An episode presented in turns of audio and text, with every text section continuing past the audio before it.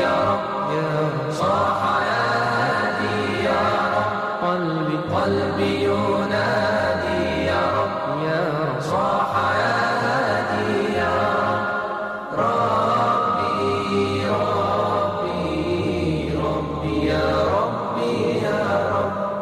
بسم الله الرحمن الرحيم الحمد لله رب العالمين صلى الله وسلم وبارك على نبينا محمد وعلى آله وأصحابه أجمعين. Dakle, čuli smo od prilike kako glasi sura Et-Tarik i čuli smo njen prijevod. Neke osnove o ovoj suri, zatim komentar. Sura Et-Tarik je 86. sura u Kur'anu. Stalno govorimo da te neke osnovne informacije znamo. U Kur'anu ima 114 sura, prva sura je sura El-Fatiha, zadnja sura je sura En-Nas, Na 86. mjestu od sure El-Fatiha prema suri En-Nas je sura Et-Tariq. Prije nje, kao što vidimo, nalazi se sura El-Buruđ, a posle nje, evo na istoj stranici, imamo sura El-A'la. Vidimo u Mushafu sastoji se iz 17 ajeta i to je uglavnom tako kod većine karija. Kod većine učača ona ima 17 ajeta, kod pojedinih ima 16. Oni koji kažu da ima 16 ajeta, oni 15. i 16. ajet smatraju jednim ajetom. Ha? Dakle, innehum je ne kejda, wa akidu kejda. Ovdje je to razdvojeno na dva ajeta. Oni to računaju jednim ajetom, oni koji kažu da ima 16 ajeta. Innehum je ne kejda, wa akidu kejda. Oni tako kažu da je to jedan ajet. Uglavnom, većina je onako kako je zabilježeno u mushafu kojeg imamo pred sobom, jeli 17 je, 17 je ajeta. U tih 17 ajeta nalazi se 61 riječ i u tih 61 riječ, dakle, nalazi se 239 harfova. Po redoslijedu objave, po redoslijedu objave ova sura je 36. Po redoslijedu objave kako su se objavljivale sure, kako su se nizale, ova sura je 30, 36. Objavljena je nakon sure El Beled, La uksimu bihada El Beled, a prije sure El Kamer. Sura El Tarik je mekanska sura bez imalo razilaženja. Dakle, komentatori Kur'ana svi se slažu da je sura At-Tarik mekanska sura. I od Abdullah ibn Abbas radijallahu anhuma se prenosi da je rekao da je sura At-Tarik objavljena, objavljena u Mekki. Što se tiče njenih imena, najrasprostranjenije ime jeste sura At-Tarik. Sura At-Tarik. Onako kako dakle, se nalazi u ovom mushafu i većini mushafa i također tefsira, sura At-Tarik. I na takav način ju je imenovao za divno čudo Imam Buhari, jeli u svome sahihu. Obično Imam Buhari jeli, imenuje sure onako kako je došao njihov spomenu hadisima. I to uglavnom biva po prvom ajetu u cijelosti. Ovdje Imam Buhari, dakle, imenovao ju je sura Et-Tarik. U hadisima se spominje njeno, dakle, ime Wassama i Wat-Tarik. U hadisu se kaže Wassama i Wat-Tarik. I ono što je zabilježeno za ovu suru i ovoj suri jesu dakle hadisi, poznat slučaj Muaza, Ibn Džebala radijallahu talan kada je učio narodu svome jaciju, kada ih je predvodio namazu, kada je učio jeli, sa surom El Bekara i surom Ali Imran, pa ga poslanik alihi salatu samo ukorio i rekao zašto nisi učio Vassema i Vattarik ha, i druge sure. I također spominje se u hadisu da je poslanik alihi salatu wasam na podne namazu i na kindiji na namazu učio na prvom rekatu suru prije ove.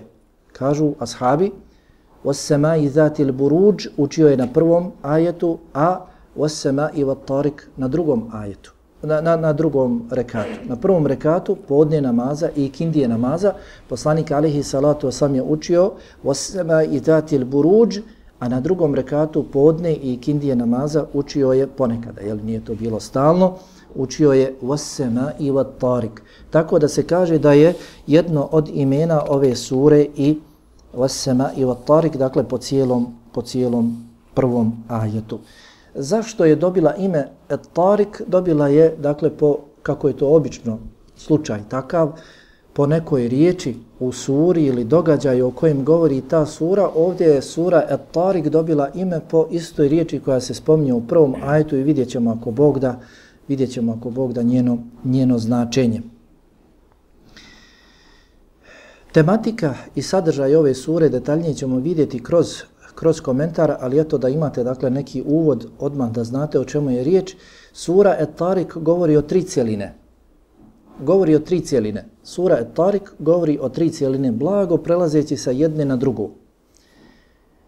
Allah subhanahu wa ta'ala suru Et-Tarik otpočeo je sa dvijema zakletvama i završio je sa dvijema zakletvama. Nakon što je otpočeo sa dvijema zakletvama Allah subhanahu wa ta'ala pojašnjava za šta se to zaklinje sa tim dvijema zakletvama, vidjet ćemo. Pa pojašnjava da nema ni jednog od nas, a da nad nama nije melek koji bilježi naša dijela. Pa dakle, sura Etarik govori o prvoj cijelini, a to je bilježenje ljudskih dijela. Čuvanje tih dijela. Bilježenje i čuvanje tih dijela. Zatim, druga cijelina, sura Tarik, govori o pojedinim dokazima istinitosti proživljenja. I najčešće, kako se to spominje u mekanskim surama, ti dokazi su stvaranje čovjeka, stvaranje nebesa, stvaranje zemlje, spuštanje kiše, pucanje zemlje, iznicanje rastinja. Ova sura, sura Etarik, govori o čovjeku, stvaranju čovjeka i, dakle, govori također o pucanju zemlje, spuštanju kiše, pucanju zemlje, iznicanju rastinja. Pa dakle, druga cijelina sure Etarik jeste spominjanje pojedinih dokaza istinitosti proživljenja, odnosno govor o stvaranju čovjeka. I na kraju Allah subhanahu wa ta'ala ponovo se zaklinje dvijema zakletvama i govori o tome da je Kur'an sušta istina. I ne samo da je istina, već je onaj na osnovu kojeg se razgraničava istina od neistine. Pa dakle, prvo, u prvoj cijelini Allah subhanahu wa ta'ala govori da nad svima nama su meleki pisari, pišu naša djela. Zatim govori o stvaranju čovjeka, istinitosti proživljenja, zatim govori o istinitosti Kur'ana.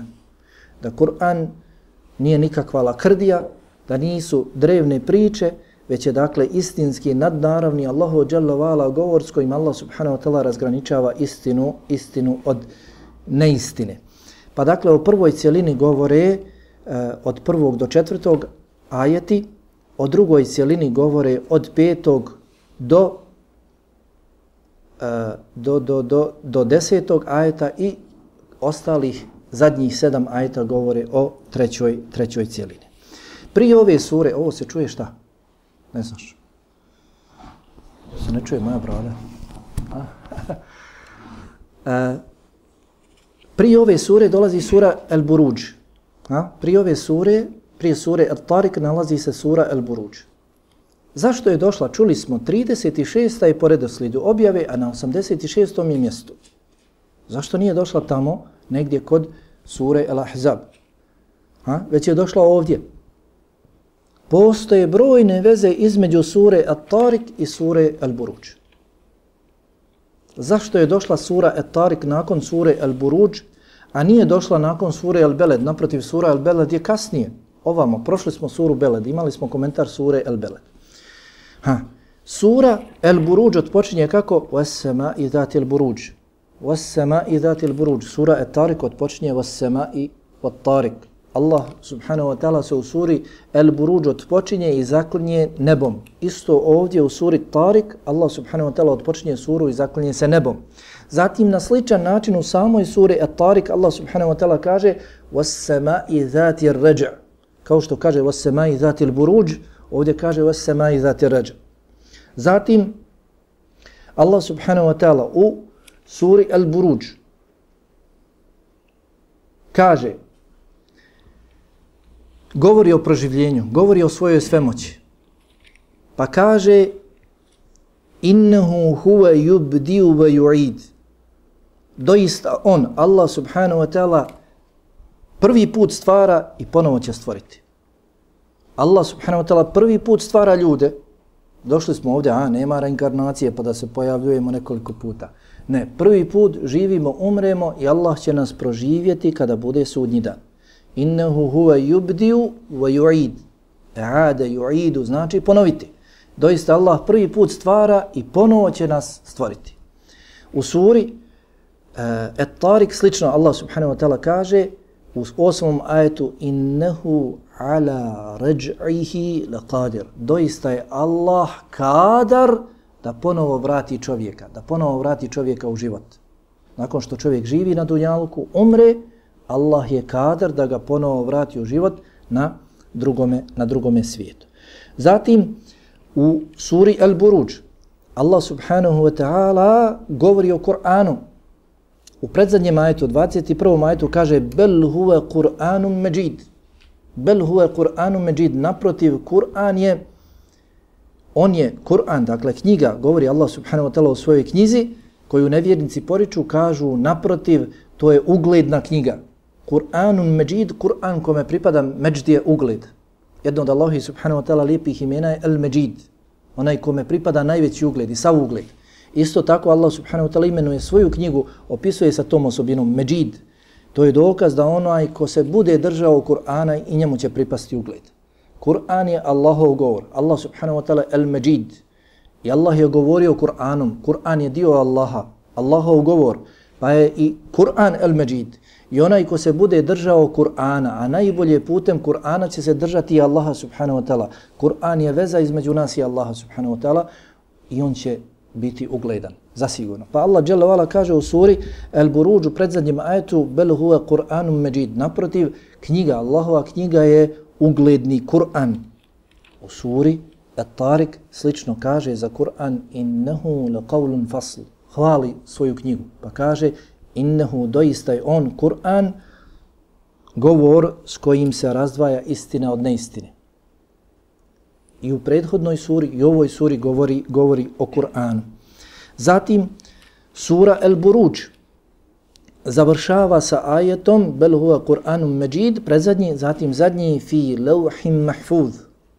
Kur'an je knjiga, ugledna knjiga, Allahov ugledni govor fi lawhim mahfuz koji je zabilježen u ploči pomno čuvanju.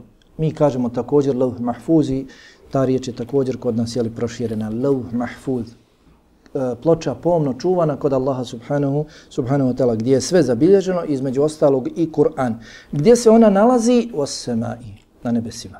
Zato Allah subhanahu wa ta'ala odpočinje, jeli, suru Etarik sa zaklinjanjem nebesima. nebesima.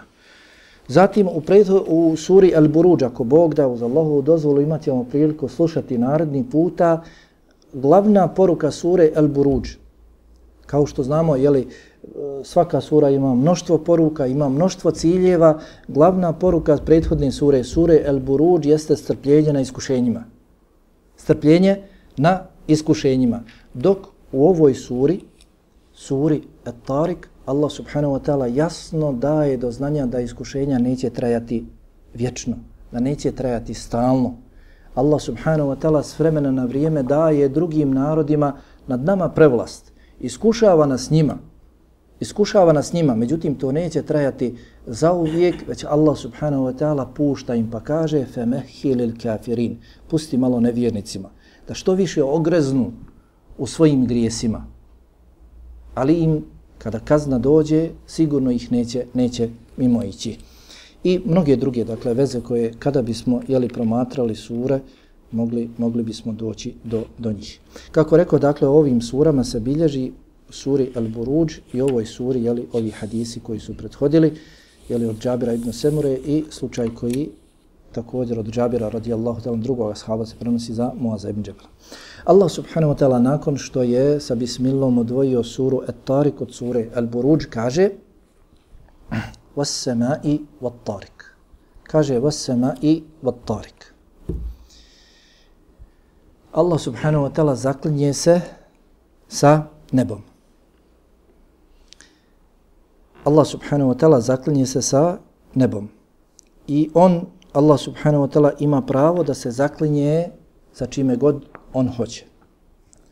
I upravo ove sure u džuzu amme obiluju Allahovim subhanahu wa ta'ala zakletvama, onim sa čime se Allah zaklinje. Međutim, kada pogledamo, poslušamo, vidimo da Allah subhanahu wa ta'ala ne zaklinje se sa nečim bezazlenim, već se zaklinje sa nečim i tekako ozbiljnim, sa nečim što, je, što sadrži u sebi veliku mudrost. Zašto? Da bi time ukazao na ono što dolazi nakon tih zakletvi i također da bi nama ukazao da vodimo računa o tim stvorenjima s kojima se Allah subhanahu wa ta'ala zaklinje. Ono sa čime se Allah zaklinje, to su dokazi njegove svemoći, zasigurno. Osema, tako mi neba. Pogledajmo nebo, kako je skladno stvoreno. Nema nikakvog procjepa, nema nikakve pukotine, nema, stoji bez, nebe, bez stubova. Nebo, Allah subhanahu wa ta'ala ga održava. To je dokaz Allahove svemoći. I ne samo nebo, ha? Nama je poznato i mi vjerujemo u to da na svakom nebu postoje stanovnici nebesa. Na prvom nebu, na drugom, na trećem i tako. Imali smo suru El Fajr, hm? pred kraj sure gdje se spominje silazak meleka, silazak, jeli, sa prvog neba, sa drugog neba, sa svih nebesa, da će sići na zemlju kada nastupi sudnji dan i obkružiti vjernike, obkružiti ljude, sve. Nema bježanja, valja polagati račun. Allah subhanahu wa ta'ala sve to održava. Pa ovdje Allah subhanahu wa ta'ala zaklinje se nebom da ukaže na njegovu važnost i također da ukaže na važnost onoga što će poslije doći. Nebo je za nas, kada bismo promatrali e, jeli, iz ugla drugih nauka, disciplina, vidjeli bismo jeli, koristi mnogi. Zatim kaže vat tarik, vat tarik i tako mi tarika. Šta je tarik? Allah subhanahu wa ta'ala pojašnjava kasnije. Pojasnit će.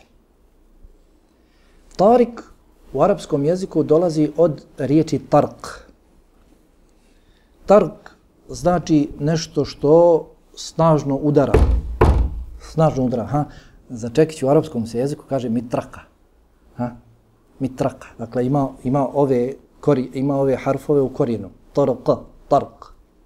Mitraka čekićom se, ha, kad doš nekoga po prstima udarti, jel, ne maziš ga, nego pošinješ dobro da ostavi onu tastaturu ili onaj telefon na kojem stalno visi. Ha. Tark jeste dakle ono što snažno hlupi, udari, snažno.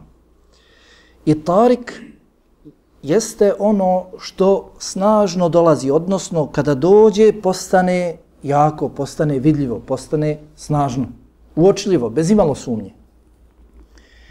Pa su rekli komentatori na osnovu ovog značenja kažu da je tarik sve ono što se pojavljuje noću u tminama i kada dođe postane javno u noći. Kada se mnogo šta ne vidi, ono se vidi. Zato, ha, ima onaj, ne znam da li ste dobili ovdje, da li ste dobili onaj crveni od Mehanovića prijevod, da li barem imate makar jedan, tamo se vrate, tamo mislim da je prevedeno noćni posjetilac. Da je Tarik, prevedena ova riječ, ovo ime sa noćni posjetilac. Tako mi, noć, tako mi neba i noćnog posjetioca. Jer tarik, jedno od značenja te riječi, jeste onaj koji dolazi noću i postane javan. Allah subhanahu wa ta'ala kaže da bi ukazao na važnost tog tarika, tog noćnog posjetioca. Kod nas je prevedeno danica ovdje, jel? Ima komentatora koji kažu Kaže, oma edrake me tarik. Znaš ti, imaš ti znanje o tome? Nemaš, raspitaj se. To je bitno. Trebaš koliko toliko da znaš. Jer Allah se ne zaklinje džaba time. To je zasigurno od velike važnosti. Znaš li ti, imaš li znanje o tome? Jel te neko obavijestio? I poznato nam je, imali smo do sad priliku u ovim surama iz Džuza Amme, Kada Allah na ovakav način kaže Oma edrake, mel hutame, je tako? Kada kaže Oma edrake, Oma edrake, nakon toga Allah dolazi sa odgovorom. Oma edrake mel hutame, znaš li ti šta je hutama? Narullah, Allahova vatra. Allah odmah odgovara. Dok kada kaže Oma judrik, onda ne odgovara. 13, na 13 mjesta u Kur'anu je došlo Oma edrake, a na 3 Oma judrik. Vama edrake Allah subhanahu wa ta'ala svaki put je odgovorio izuzev u suri El-Haqa. El-Haqa, Mel-Haqa, Vama edrake mel haqa. Dakle, haqa je jedno od imena sudnjeg dana. Znaš li ti šta je haqa? Još jednom znaš li ti šta je haqa? Allah nije to odgovorio. Već je odmah prešao na spomen naroda koji su živjeli ranije, koji su uništeni Adi Semud. Tu nije odgovorio. Na 13 mjesta se spomnje, na samo tom jednom mjestu nije odgovorio, a na svim drugim mjestima Allah odgovara. Pa i ovdje. Kada kaže vama edrake med tarik. A znaš li ti šta je tarik? Kaže en neđmu thaqib.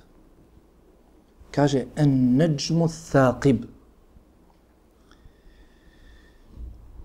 I ova riječ thaqib pojašnjava tarik. Dakle, en neđm poznato je zvijezda. En-Najm poznato je zvijezda. Dakle, riječ En-Najm u arapskom jeziku zna se da je to zvijezda. Međutim, ovdje je došlo, ha, došlo je En-Najm. Došlo je En-Najm sa određenim članom el, koje je u arapskom jeziku, koji u arapskom jeziku ima značenje sveubohvatnosti, istigraka. Pa su pojedini komentatori rekli da se pod tarikom misli na svaku zvijezdu. Jer je došlo en neđm sa određenim članom el. Pa se kaže da se misli na sve zvijezde, jer sve zvijezde noću bivaju manje više vidljive. Ha. Ima ih, dakle, komentatora koji su rekli da se misli na Danicu, odnosno Veneru, koja je nakon, kako to je poznato onima koji se bave tom strukom bolje, nakon sunca i mjeseca najsvjetlije nebesko tijelo. Ono što možemo da vidimo. Venera, danica. Allah. Allah najbolje zna. Allah najbolje zna je li na što se misli. Kaže Đelevala, neđmu thaqib. Najbolje je, dakle, ukoliko je nešto spomenuto općenito, ne zalazi tu u pojedinosti i da ti od sebe ograničavaš. Ako je Allah rekao neđm, da se misli pod sve zvijezde, međutim one koje su vidljive, jer riječ thaqib, suqb u arapskom jeziku ima značenje pukotine, ono što probije, napravi pukotinu. Hm. Mislim da se na takav način zovu ha, i ove žene kad probijaju, da stave minđuše sad i muškarci probijaju. Jel? Žene probijaju svugdje, nije samo to. Da Allah pomogne. Ha? E, thaqib, dakle, jeste onaj koji pravi pukotinu. Dakle, ona zvijezda koja kada dođe, probije tmine i postane javna, vidljiva. Postane javna, vidljiva. Neyse. Zašto Allah subhanahu wa ta'ala zaklinje se ovim na ovakav način? Dakle, nebom kojeg vidimo tokom dana, jasno, izađimo, vidimo. Dakle, kada nije oblačno, kada nije maglovito, vidimo nebo. I nije došlo vas semavat, ha? Nije došlo u množini, tako mi nebesa, već je došlo tako mi neba.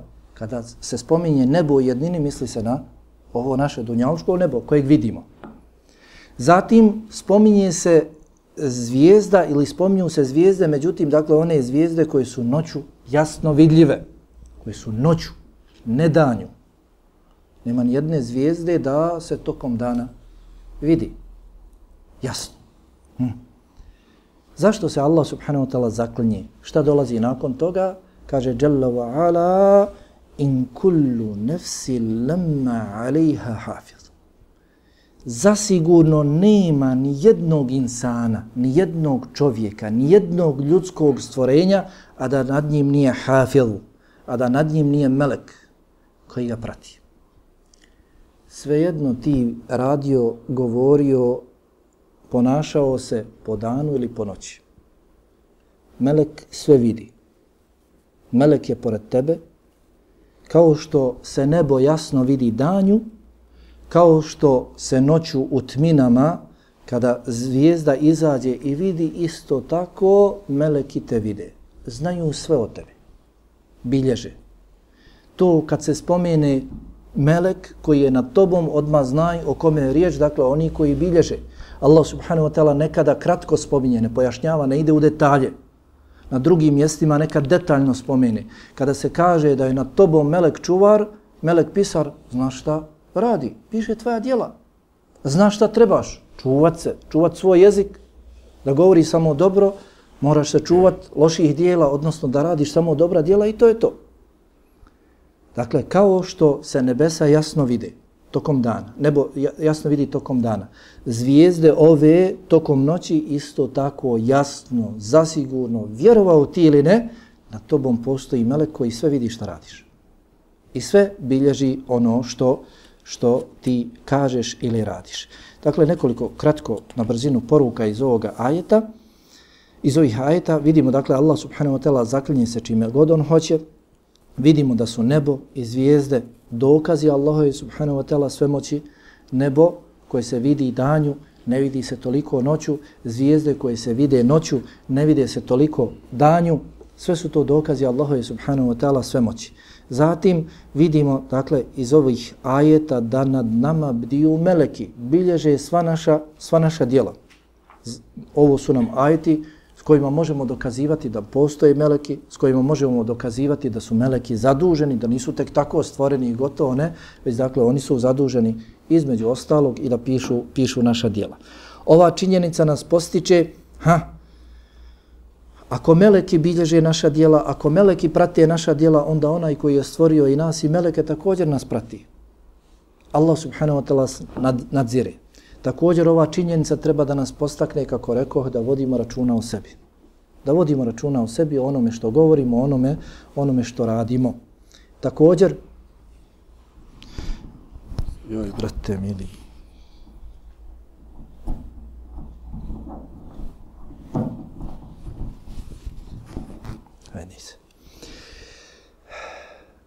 Također, jeste nama posticaj da se čuvamo, ha?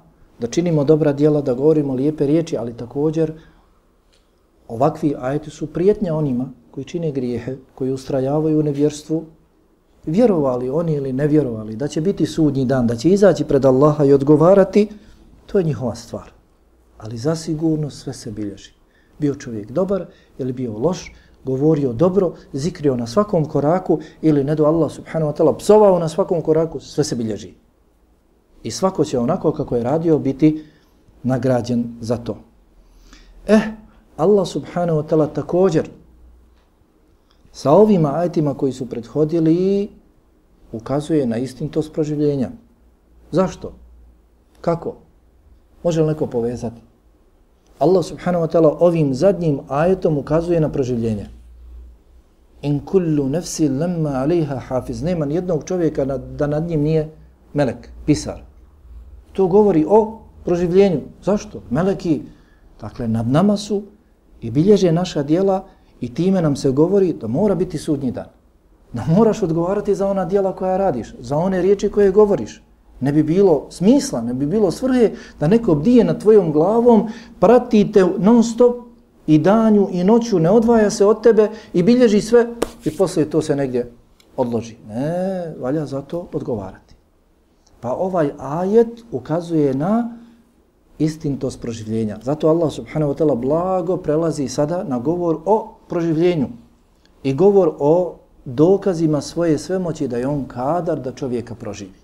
Pa kaže, spominje dokaze svoje svemoći. Pa kaže, فَلْيَنْظُرِ الْإِنسَانُ مِمَّ خُلِقْ فَلْيَنْظُرِ الْإِنسَانُ مِمَّ خُلِقْ Neka čovjek, a ovo je sura, kakva? Rekli smo mekanska. Kada se u mekanskoj suri spomene insan, onda se uglavnom pod tim terminom misli na nevjernika. Kada se u mekanskim surama spomene insan, na ovakav način, dakle čovjek, onda se misli na nevjernika. Neka pogleda taj nevjernik koji poriče proživljenje, dakle onaj koji poriče proživljenje, onaj koji ne vjeruje u sudnji dan, onaj koji se smijava s tim, on je 100% nevjernik. Sviđalo se to njemu ili ne sviđalo. Zvao se Muhammed, zvao se Abdullah, najljepšim imenom, imao ime Abdullah ili Abdurrahman, ne vjeruje u proživljenje, on je nevjernik. I smijava se s tim. To je njegova stvar. Melek Džibril je došao, pitao poslanika alihi salatom šta je to iman, obavijesti me o temeljima imana, pa je poredao ispomenuo kao peti temelj imana vjerovanje u drugi svijet, vjerovanje u sudnji dan. Nevjernici, mušrici Mekke, sviđalo se to nekom ili ne, mušrici Mekke nisu vjerovali, mušrici nisu vjerovali u sudnji dan. Nisu vjerovali u proživljenje, ovako dolazili s kostima. I ovi naši bi pojedini koji se smatraju muslimanima, jeli, dolazili bi sa kostima i smijavali se. Smijavaju se. Ko se od ta vratio? Nema. Kad dva kubika zemlje istrežeš na njega, nema to koji će ga proživjeti. To govore ljudi na dženazi. Dođu na dženazu ko biva da klanjaju. Džaba im ta dženaza što klanjaju. Onaj koji se poigrava sa temeljima imana, neka zna da nema imana kod sebe. Dakle, ovdje Allah subhanahu wa ta'ala onima koji negiraju proživljenje kaže فَلْيَنْظُرِ الْإِنسَانُ مِمَّ خُلِقُ Neka taj koji poriče proživljenje pogleda od čega je stvoren. Od čega ga Allah stvara? Kako može negirati proživljenje? Od čega ga Allah stvara? Kaže Jalla hulika mimma in dafiq. Stvoren je od tekućine koja se snažno izbaci. Od spermi. Jahružu min bejni suljbi od tarabi, koja izlazi iz kičme i predjela grudi. Ima mnogo govora kod komentatora, Eh, kičme muškarca, grudi muškarca, kičme muškarca, grudi žene i ostalo. O tome govor bi potrajao. Uglavnom čovjek je od tako nečeg sićušnog, prezrenog, neznatnog stvoren. Hej, to niko mnogo ne razmišlja o tome. Od vode, od tekućine, sićušne, nekoliko kapi, čovjek ovako skladan stvora. I daje sebi za pravo da negira proživljenje. Allah ga od kapljice sjemena stvara. Poznato nam je u hadisu, Abdullah ibn Masuda radijallahu ta'ala kako teče 40, 40, 40, udahnjuje se duša, zatim se razvija tijelo. Nakon što se oblikuje od kapljice vode, kapljice sjemena Allah stvara čovjeka najiskladnije. Allah je sve skladno stvorio, ali najiskladnije čovjeka stvorio. Čovjek je jedino stvorenje ha, koji hodi na, na dvije noge. I kod čovjeka je ruka jedna jednaka drugoj, noga jednaka drugoj i slično. Sve skladno stvoreno. I čovjek sebi daje za pravo da kaže nema proživljenja. Neće Allah nikoga proživiti. Kako proživljenje? Nemojte žao pripadati ljude.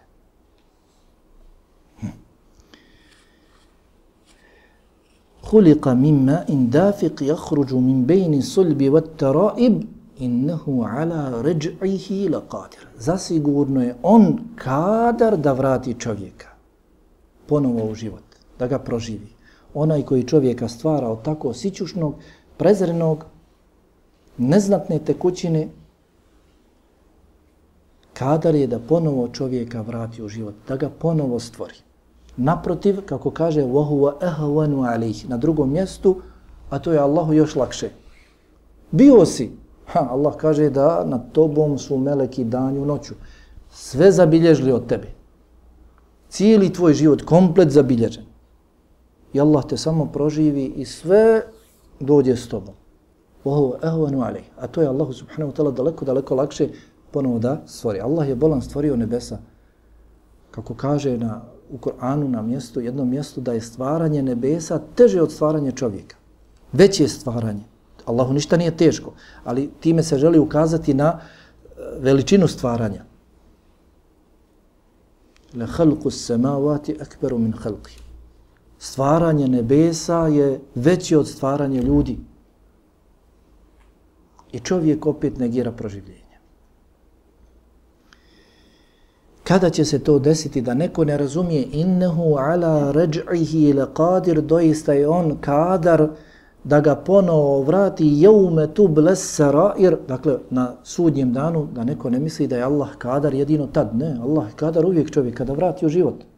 Hm? Sura El Bekara obilo je primjerima koji su se desili u prošlosti ljudi, pojedinaca i cijelih naroda koje Allah usmrtio i vratio u život na Dunjalku. Tako, na Dunjalku. Spominje se, kažu da je to bio Uzer koji je kada je prošao pored porušenog grada, mjesta, rekao ko će ovo oživjeti, pa ga Allah usmrtio. I pored njega njegovog magarca i ostalo, pa ga ponovo oživio. Spominju se kazivanja kako je to sve teklo. Pa onaj narod koji je bježeći od smrti, htio da pobjegne od smrti, Allah ih usmrtio, zatim ponovo oživio. Pa čovjeka po kojem je sura Al-Bekara i dobila ime, tako Bekara, čovjek koji je bio ubijen od strane svoga bratića, koji ga je odnio u susjedno selo, susjedni grad, ostavio pred vratima čovjeka, pa taj drugi optužen za njegovo ubijstvo. Allah objavio Musa'u, zakoljite bilo kakvu kravu, udarite jednim njenim dijelom tog umrlog, Allah će ga proživjeti. I na kraju poznato vam je da se tako i desilo nakon njihovog zatezanja i Allah je oživio čovjeka. Vratio ga u život i čovjek rekao koga je ubio. I opet umro. Sura Al-Kef, je tako? 309 godina su spavali, okretali se, spavali. Allah im vratio u život i nakon toga su ponovo, ponovo su umrli. Brojni primjeri. Međutim, Allah subhanahu wa ta'ala ovdje, budući da govori o proživljenju na sudnjem danu, želi da poruči sigurno ćete odgovarati za ono što ste radili. Vratit ću vas na sudnjem danu u život. Da položite račun za ono što ste radili. Međutim, šta ovdje kaže? Jeume tub sarair. Jeume tub sarair. Onoga dana kada, ovdje je prevedeno, kada budu ha, ispitivane savjesti. Nije to baš tako. Onoga dana kada tajnosti postanu javnosti. Sarair jesu ono, dakle, što je unutrašnjosti čovjeka, ono što je čovjek krio u sebi. Ako će se za to znati, ako će se za to odgovarati, onda zasigurno za sve drugo će se znati. I za riječi koje si rekao i za dijela koja si uradio. Allah će nas zasigurno sve vratiti. Niko neće izostati.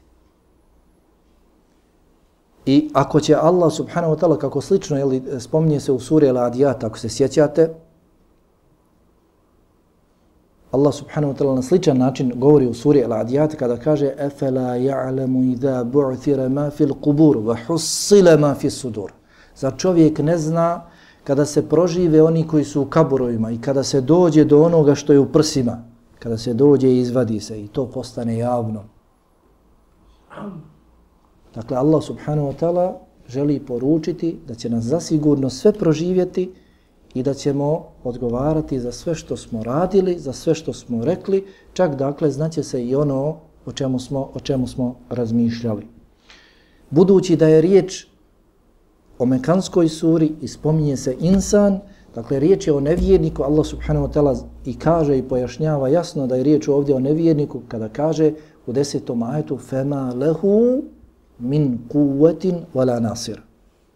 I on, nevjernik, koji je poricao proživljenje, nije vjerovao u proživljenje, nije se pripremao za proživljenje, nije vodio računa o svojim riječima, nije vodio računa o svojim dijelima, činio razvrat, fesad, nered, loša dijela, sijao, nosio u svojim prsima najgore, nevjerstvo nosio da Allah sačuva, a, toga dana, mogao se oholiti. Stvoren je od neznatne tekućine, od kapljice sjemena. Nije uzeo ibreta, pouke iz toga, već se oholio nad Allahom subhanahu wa ta'ala toga dana. Neće imati ama baš nikakve snage. Bilo je dovoljno po pravilima arapskog jezika da se kaže fema lehu kuvveten ili fema lehu kuvvetun wala nasir.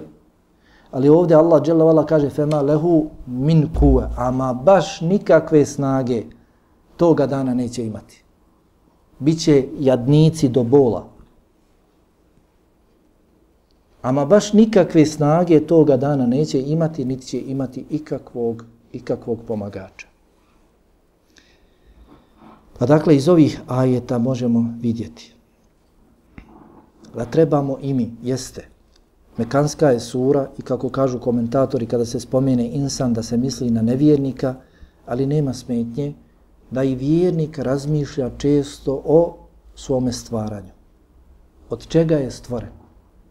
To će zasigurno ga pomoći i u tome da obuzda malo svoje strasti, da obuzda malo svoju oholo, svoju nadmenost. Kada se vrati i razmisli od čega ga je Allah stvorio.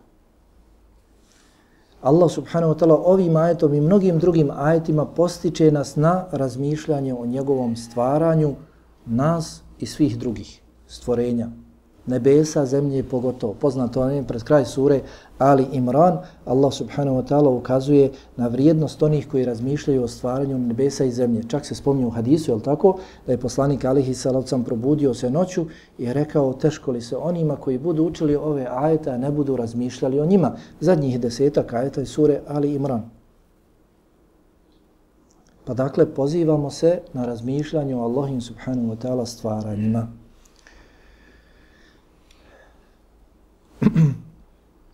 Zatim zasigurno ovi ajeti ukazuju na istinitost poslanstva Muhammeda sallallahu alaihi wasallam. Je li mogao vjerovjesnik koji nije znao ni čitati ni pisati, nije čitao druge knjige, je li mogao znati da čovjek biva od toga stvoren? I kako Allah subhanahu wa ta'ala skladno stvara čovjeka? Ne. To je dakle dokaz njegovog poslanstva, njegovog vjerovjesništva. Zatim vidimo dakle da će Allah subhanahu wa ta'ala proživjeti nas na sudnjem danu. I na sudnjem danu da će sva dijela biti poznata, da ništa neće biti skriveno. Sve to govori o Allahovom sveobuhvatnom znanju. Kada Allah zna ono što je u našim prsima, onda Allah subhanahu wa ta'ala zna za sve. Kada kriješ i od svoje žene, kada kriješ i od svoje djece, niko ne zna, ne može niko da otvori i da otvori tvoja prsa, ne može da zna za to. Ali Allah zna To ukazuje na Allahu subhanahu wa ta'ala sve moć. Allah ovdje prejasno kaže فَمَا لَهُ مِنْ قُوَةٍ وَلَا نَاسِرٍ Nevjernik toga dana neće imati ama baš nikakve snage niti bilo kakvog pomagača. Iz toga se zaključuje da, ha, vjernik na sudnjem danu vjernik koji je vjerovao Allaha subhanahu wa ta'ala imaće najveću snagu i imaće najboljeg pomagača. Imaće Allaha subhanahu wa ta'ala u sebe, jer je u sebe imao Allaha jalla vala i na, na dunjaluku. Šta ti vrijedi da dođeš na sudnji dan, Allah subhanahu wa ta'ala bude na drugoj strani, Allah ti bude protivnik. Džaba da si imao, ne znam ti šta na dunjaluku. I šta ti šteti to što nisi imao, što si živio skromno, možda kraj s krajem, jeli, na Dunjaluku spajao, ali sutra budeš milijarder, Allah dželavala bude uz tebe, uvedete u džennet, možda te uvede bez polaganja računa u džennet i bez kazne. Ništa ti neće štetiti, nauditi to što si na Dunjaluku se svakako promicao, pro, provlačio. Poznat nam dobro hadis kada onaj koji je uživao najvećim uživanjima na Dunjaluku bude samo zehru, trenutak uveden u džehennem, zaboravit će sva uživanja na dunjaluku. I onaj koji je bio iskušavan najvećim iskušenjima, nije haman bilo iskušenja da ga nije ono snašlo kada bude uveden u džennet samo trunku zehru, zaboravit će sva iskušenja od ljepota koja će vidjeti, koja će vidjeti u džennetu. Pa dakle, treba se boriti da budemo uz Allaha, odnosno uz Allahovu vjeru na dunjaluku, kako bismo sutra imali pomagača, jeli Allaha subhanahu wa ta'ala na, na drugome svijetu. Nakon toga, Allah subhanahu wa ta'ala kaže وَسَّمَاءِ ذَاتِ رَجْمِ وَالْأَرْضِ ذَاتِ سَدَعِ ponovo blago opet prelazi na sljedeću treću cijelinu, međutim i dalje govori o dokazima istintosti proživljenja. Pa je prevedeno, hm? tako mi neba puna kiše, tako je. Osema i dati ređa. Tako mi neba puno kiše. Ili tako mi neba punog kišnih oblaka. Zati rađa jeste dakle ono što se stalno vraća. Stalno ponavlja, stalno vraća. Nebo koje dolazi sa kišnim oblacima, spušta se kiša i zemlje poslije vodena para se diže i poslije opet se spušta kiša neprestano. Na dunjaluku, na zemlji to se dešava. Wasema i zati rađa Wal ardi dati sada. Dakle, u ovom majetu, 11. majetu, govori se o spuštanju kiše. Tako mi neba puno kiše, odnosno spuštanja kiše. Kiše koja se spušta iz neba. Wal ardi dati sada. I tako mi zemlje pune pukotina.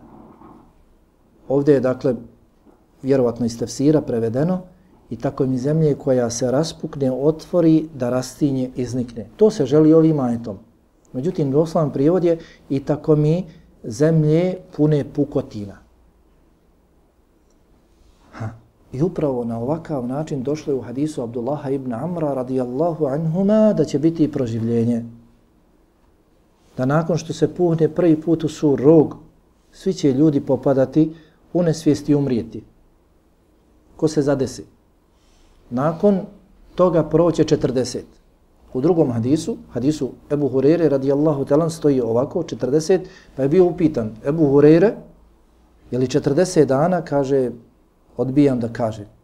Je li Ebu Hurere znao ili ne, Allah ne zna. 40 mjeseci, kaže, neću da kažem. 40 godina neću da kažem, ne zna se. Između prvog i drugog puhanja u sur, rog koliko će biti. Nakon toga puhnut će se drugi put u sur i Allah subhanahu wa ta'ala spustit će kišu u vidu rose, kako je došlo u hadisu Abdullah ibn Amra. I otvorit će se zemlja. Upravo ovako kao što Allah govori ovdje. Tako mi je neba puno kiše, Allah se zaklinje s nebom iz kojeg, dakle nebom koje sadrži u sebi, jeli, ne, ne pada s neba kiša nego iz oblaka, tako? Ja, ali međutim na, nebesu, na nebu su ti oblaci tako mi kiše koja se spušta i tako mi zemlje koja se raspukne da iznikne rastinje. Upravo na ovakav način će se desiti proživljenje. Dakle, pa Allah subhanahu wa ta'ala govori dijelom i o proživljenju, ali govori sada i o istinitosti Kur'ana. Nakon ove dvije zakletve kaže innehu la qawlun fasl.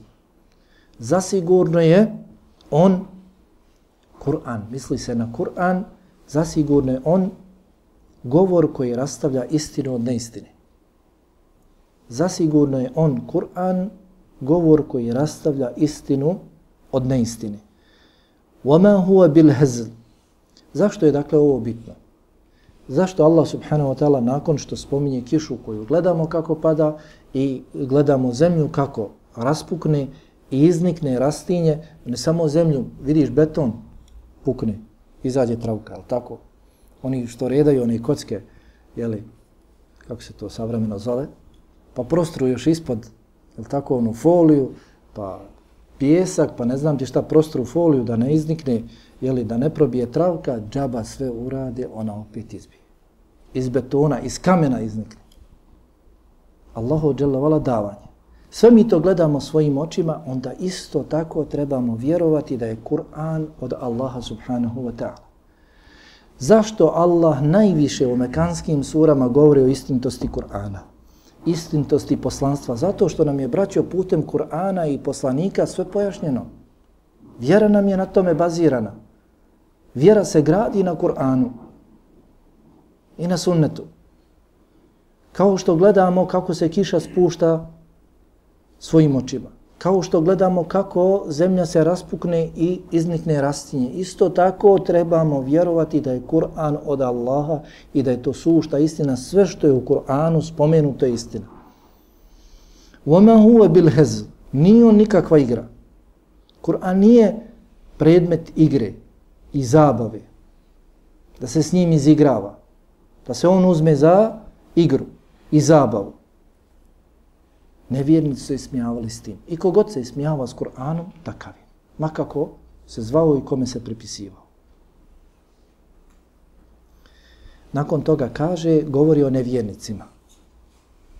I poručuje dakle i sa ovima ajetima bodri svakog vjernika. Prije svega Allahovog poslanika, alihi salavcam je bodrio i one koji su bili uz njega, koje su u Mekki, mekanskom periodu snalazila brojna iskušenja, njih, bodri njih Bodrio je njihovim ajtima, a i sve nas, i sve vjernike do sudnjega dana. Kaže, innahum je kidu nekida. Nevjernici. Kuju spletke. Međutim, pogledajte kako Allah, Kur'an je hak, najveća istina. I zato treba čitati Kur'an i onda graditi stavove. A ne imati stav i onda tražiti po Kur'anu da opravdamo svoj stav innahum yakiduna nekejda. Doista oni nevjernici, prevedeno je služe se spletkama, ne, prave spletke. Međutim, došlo je kejden, ha? došlo je neodređeno.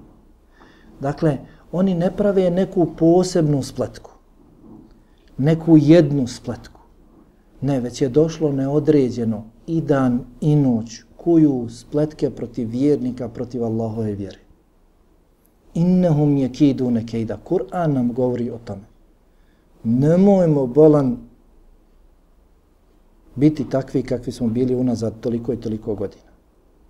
Allah prejasno kaže da nas ne vole zato što smo vjernici. Da nam kuju i dan i noć ne propuštaju ni jednu priliku, a da nam ne naprave spletku. Innehum je kidune kejden. Svaku moguću spletku prave. Međutim, ne znaju da će im se to vratiti. Kako budu radili, tako će zaraditi. Kaže, u akidu kejda.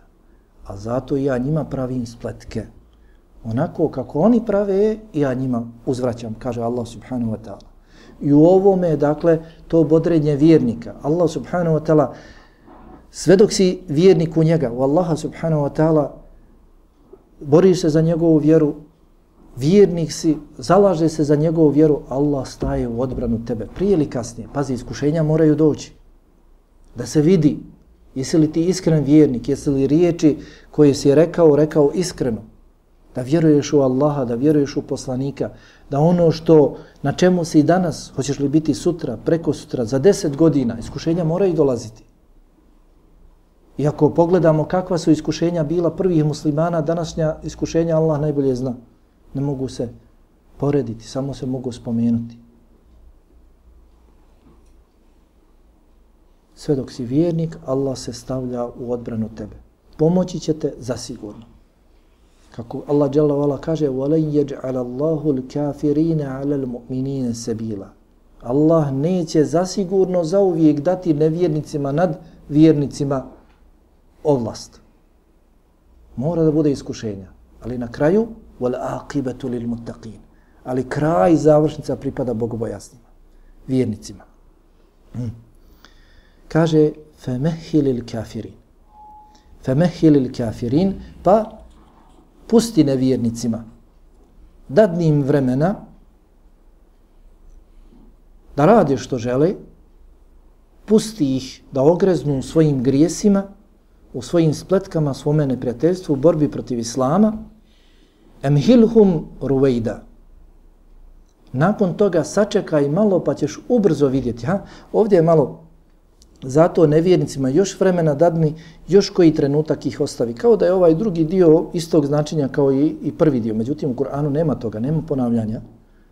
Pa prvi dio femehil, femehil ili kafirin misli se pusti im vremena, dadnim vremena, da što više ogreznu u grihu, saburaj. Pokušaj se sačuvati njihovog zla koliko možeš. Ali pusti ih, neka ogreznu što god je moguće više. Emhilhum ruvejda, a ovo drugo, ovaj drugi dio ajeta znači kada im dođe kazna, vidjet ćeš kako ih brzo snalazi kazna. Nema više odgađanja.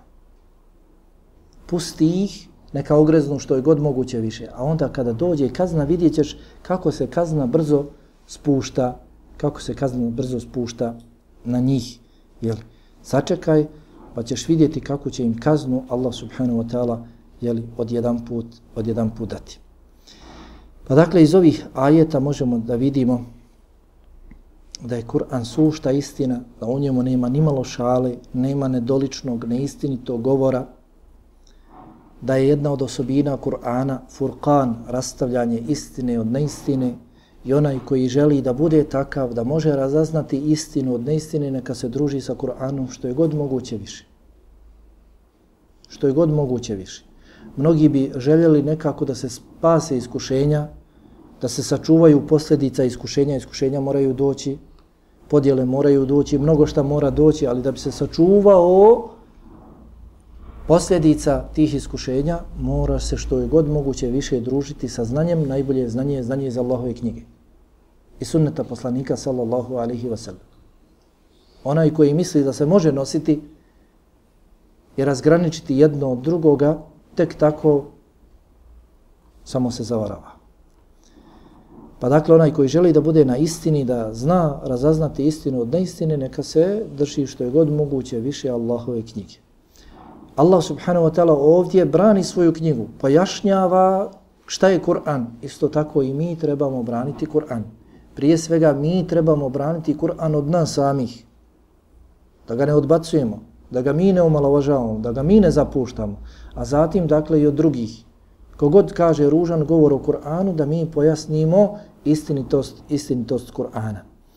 Zatim vidimo da nevjernici Islama neprestano kuju spletke Islamu i muslimanima. Zasigurno ne miruju i dan i noć. Mi, kaže Allah subhanahu wa ta'ala, wa akidu kejda, i ja njima pravim spletke. Muslimani također trebaju se pripremati. Ne samo znati, e, jesmo, mi smo obaviješteni i otprilike pretpostavljamo što oni rade, ajmo mi odmarati, ajmo mi spavati, ajmo mi po moru ovdje ili onda ne. I vjernici, muslimani moraju se pripremati. Vidimo dakle da je nagrada shodno dijelima. Kako ko bude radio, tako će i zaraditi. Oni kuju spletke, vratit će im se, obiće im se te, te spletke od njihovu glavu. Vidimo dakle iz ovih ajeta da Allah subhanahu wa ta'ala čuva vjernike. Da Allah subhanahu wa ta'ala na kraju će dati prevlast, na kraju će dati završetak, kraj u korist, u korist vjernika. Vidimo dakle da će Allahova pomoć sigurno doći i da će biti jasno vidljiva. Kao što su vidljive zvijezde kada dođu jeli, u tamnoj, mrkloj noći, kada dođu i pojave se. Jeste tama, danas tama, teško, vjerniku, ali doće Allahovo svjetlo, doće Allahova pobjeda, doće Allahova pomoć, kao što dakle dolaze zvijezde, noću i probijaju prave pukotine, prolaze kroz te svetmine i bivaju jasno vidljive isto tako ako Bog da i Allahova pomoć će doći njegova, njegova pobjeda. To bi otprilike bilo ono što je vezano za suru At-Tarik, ako ima neko nešto da pita, nešto mi je bilo jasno, bojro. Subhanaka Allah, hamdika, šedu, la ilaha, lan stakra, kutu, velika.